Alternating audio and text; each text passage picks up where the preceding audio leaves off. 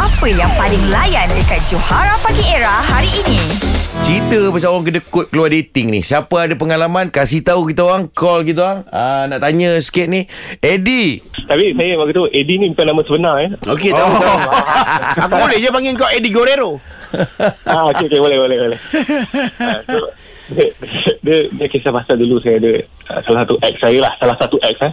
Okey. Ah, di mana dia berkira sangat. So macam kalau pergi mana-mana ke instead of membeli dia minta saya punya. Oh, dia minta kau bayar. Bukan macam contohnya kalau saya ada sabun mandi kan dia nak beli sabun mandi tapi dia tak dia, dia tak nak beli. Dia minta saya punya. Ha? Lah kenapa? Macam mana proses nak minta sabun mandi tu? Contoh yang kau bagi tu. Maknanya dia WhatsApp dulu. Eh jangan lupa bawa sabun mandi tau. Macam tu. Uh, so kalau kita orang pergi beli ba- barang mandi saya beli barang mandi ke kan Ah. so macam kalau pergi kat mana-mana ke uh, dia tanyalah eh uh, you punya ada lagi tak lebih saya macam saya punya dah habis lah You punya boleh? Ui pelik-pelik Syah. apa yang apa yang benda paling pelik dia dia minta, Minta. minta kau punya? Ha? Eh, saya rasa pelik buat barang mandi lah buat gigi Ya, dia dah cukup pelik dah tu. Ha-ha. Tak beli sendiri eh. yeah. uh, kan buat gigi uh. sama tak minta buat gigi dia minta buat gigi je Habis macam shampoo Orang perempuan Kalau shampoo ni Dia orang detail tau Sabun Ha. okey gigi Shampoo detail Ya, takkan nak pakai shampoo Ah, lelaki. Lelaki tak detail shampoo ni Lagi shampoo saja, conditioner tak ada. Tak kisah. Ha. Macam mana Ah, shampoo tu dia betul-betul minta juga. Shampoo dia minta juga Tapi sebab saya Mungkin sebab adik-adik saya ramai perempuan kan So saya biasa pakai shampoo, shampoo sunset Sunset Nampak iklan percuma dan tu sunset ni kan Dah Mungkin Kebetulan sama dengan dia juga pakai So ha, Ah, kebetulan Bukan, sama.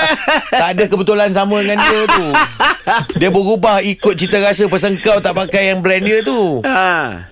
ha, Mungkin lah kot Saya pun tak tahu Berapa lama kau tahan dengan dia weh?